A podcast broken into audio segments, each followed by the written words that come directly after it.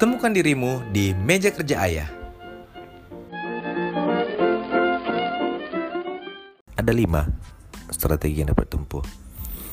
Tapi bukan 433, 442, 352 atau total football ala timnas Belanda ya. Karena kita bukan lagi ngobrolin World Cup. Oke, catat ya. Catat.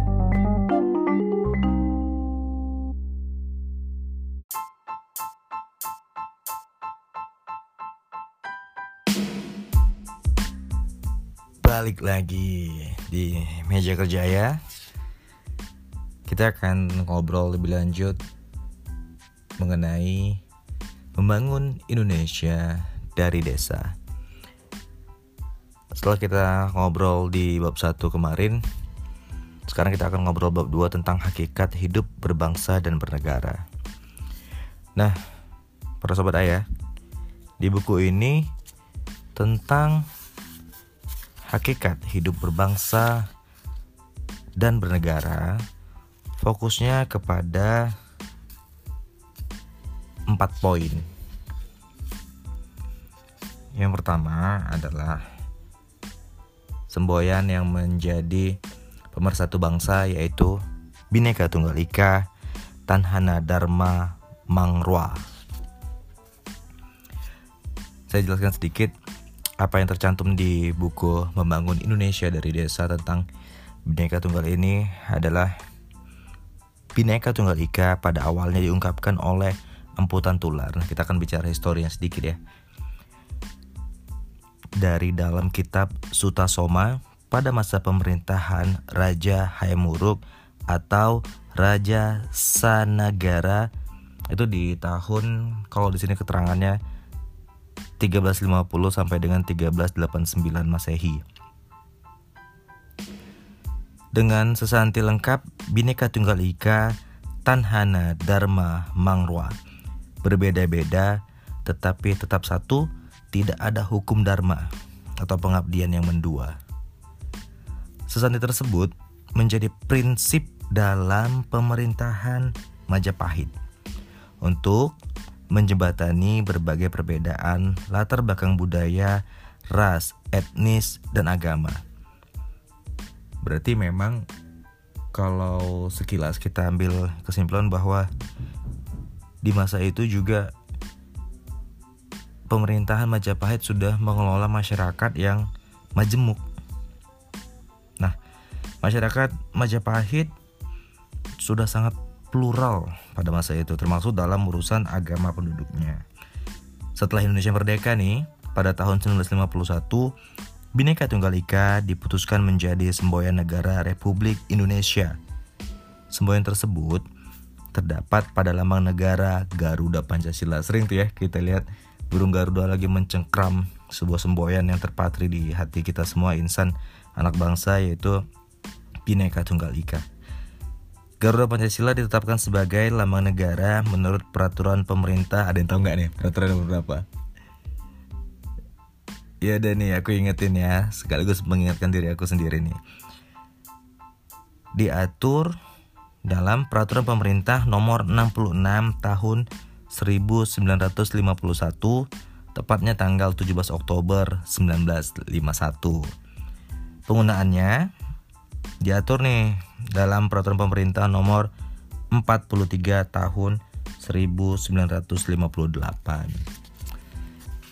Nah, itu salah satu hakikat kehidupan berbangsa dan bernegara yang tercantum di buku Membangun Indonesia dari Desa. Itu yang pertama. Yang kedua adalah Pancasila. Kalau tadi kita ngobrol tentang semboyan, sekarang kita akan bicara lebih lanjut tentang Pancasilanya. Namun para sobat ayah, di sini kita akan ngobrol mengenai Pancasila tentang ini nih. Terdapat lima ciri pokok dari sistem ekonomi Pancasila. Keren ya sistem ekonomi Pancasila. Catat apa aja nih. Segera tuh ambil pulpen. Yang pertama adalah pengembangan kooperasi penggunaan insentif sosial dan moral. Oke, penggunaan koperasi berarti salah satu metode bisnis ya, mungkin bahasa simpelnya metode bisnis yang sangat Pancasila itu adalah koperasi kalau saya baca dari keterangan di sini. Saya ulangin kembali ya. Terdapat lima ciri pokok dari sistem ekonomi Pancasila, yaitu satu, pengembangan kooperasi, penggunaan insentif sosial dan moral. Yang kedua, komitmen pada upaya pemerataan. Yang ketiga, kebijakan ekonomi nasionalis. Keempat, keseimbangan antara perencanaan terpusat dan yang kelima, pelaksanaan secara terdesentralisasi. Ekonomi Pancasila memiliki empat ciri utama. Nah, selain tadi lima ciri pokok, ada empat ciri utamanya. Yang pertama nih, yang menguasai hajat hidup orang banyak adalah negara, seperti air, bahan bakar minyak, pertambangan, hasil bumi, dan lain sebagainya. Yang kedua, Peran negara adalah penting tetapi tidak dominan. Begitu juga dengan peranan pihak swasta yang posisinya penting tetapi tidak mendominasi. Berarti tidak ada monopoli di sini. Kedua pihak baik pemerintah maupun swasta beriringan, berdampingan secara damai dan saling mendukung. Nah, ciri utama yang ketiga, masyarakat adalah bagian yang penting di mana kegiatan produksi dilakukan oleh semua untuk semua, serta dipimpin dan diawasi oleh anggota masyarakat. Dan ciri yang keempat, modal ataupun buruh tidak mendominasi perekonomian karena didasari atas asas kekeluargaan antar sesama manusia. Itu tadi kalau kita bicara mengenai Pancasila sebagai hakikat kehidupan berbangsa dan bernegara di buku Membangun Indonesia dari Desa ini dijelaskan Pancasila dari perspektif ekonomi. Keren ya. Jadi Pancasila itu memang sangat bisa merangkul berbagai aspek. Dan yang ketiga adalah Undang-Undang Dasar 1945. Hakikat yang ketiga dicantumkan di sini Undang-Undang Dasar 1945. Nah, sedikit aku jelasin ya. Sejak kemerdekaan 17 Agustus 1945, bangsa Indonesia telah merdeka dan secara resmi mendirikan Negara Kesatuan Republik Indonesia. Sebagai bangsa yang berdaulat, sejak saat itulah kita memiliki cita-cita luhur yang tercantum dalam pembukaan Undang-Undang Dasar 1945. Ada yang tahu nggak? Atau tahu tapi hmm, udah agak lupa nih. Oke. Okay. Saling mengingatkan ya. Yang pertama, melindungi segenap tumpah darah Indonesia. Yang kedua, memajukan kesejahteraan umum. Yang ketiga, mencerdaskan kehidupan bangsa dan yang keempat, menjaga ketertiban dunia. Nah, inti cita-cita tersebut adalah menjaga Indonesia tetap satu melalui pembangunan daerah dan pemberdayaan masyarakat. Jadi kalau di buku Membangun Indonesia dari Desa ini segala cita-cita luhur itu diambil sebuah benang merah yaitu menjaga Indonesia tetap satu melalui pembangunan daerah dan pemberdayaan masyarakat. Keren ya. Dan selanjutnya hakikatnya adalah negara kesatuan Republik Indonesia sendiri. Bentuk negara kesatuan Republik Indonesia adalah keputusan yang diambil oleh the founding fathers pada tahun 1945 setelah melalui berbagai pertimbangan dan pembahasan yang mendalam. Dalam perjalanan sejarah, Indonesia pernah menerapkan bentuk negara bagian atau yang biasa kita dengar dengan Republik Indonesia Serikat sebagai konsekuensi hasil perjanjian KMB Tahu nggak KMB? Konferensi Meja Bundar di Den Haag pada akhir tahun 1949. Penetapan negara bagian ini ataupun penerapan dari negara bagian ini tidak begitu lama berlangsungnya hanya tujuh bulan dan kembali ke bentuk negara kesatuan hingga sekarang saat ini 2020 jadi panjang memang kalau kita ngobrol tentang historis ya sejarah Indonesia Nah, poin berikutnya yang terakhir dari hakikat kehidupan berbangsa dan bernegara menurut buku ini adalah pemberdayaan masyarakat. Nah, di sini nih kita ulas lebih detail. Cita-cita Indonesia sejahtera melalui keempat konsensus yang sudah disebutkan sebelumnya tadi ya, yang kita ngobrol tadi, akan terwujud dengan aksi nyata. Jadi bukan hanya teoritis melalui pemberdayaan masyarakat. Oke, berarti implementasinya melalui pemberdayaan masyarakat.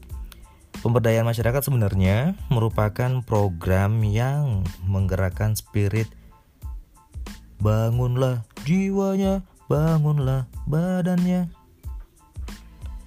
Iya memang gitu di sini kejelasannya. Pemberdayaan masyarakat sebenarnya merupakan program yang menggerakkan spirit bangunlah jiwanya, bangunlah badannya, yaitu sikap dan perilaku masyarakat miskin menjadi masyarakat entrepreneur yang ulet, tangguh, dan mandiri. Pasti tantangannya banyak. Apalagi di sini disebutkan bahwa masyarakat miskin atau prasejahtera menjadi masyarakat entrepreneur yang ulet, tangguh, dan mandiri. Nah, di sini baru masuk konsepnya. Pemberdayaan masyarakat dilaksanakan dengan program OP, OP. One person, one product. Satu orang, satu produk. Next stepnya, one village, one product. Satu desa, satu produk. Nah, ketika kita bicara lebih luas lagi, one village, one corporation.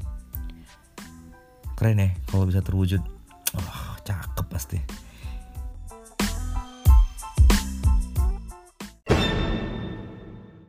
melalui program pemberdayaan diharapkan masyarakat dapat tumbuh dan berkembang dalam empat aspek yaitu peningkatan kapasitas manajemen dan teknologi, pengembangan karakter kepemimpinan dan kewirausahaan,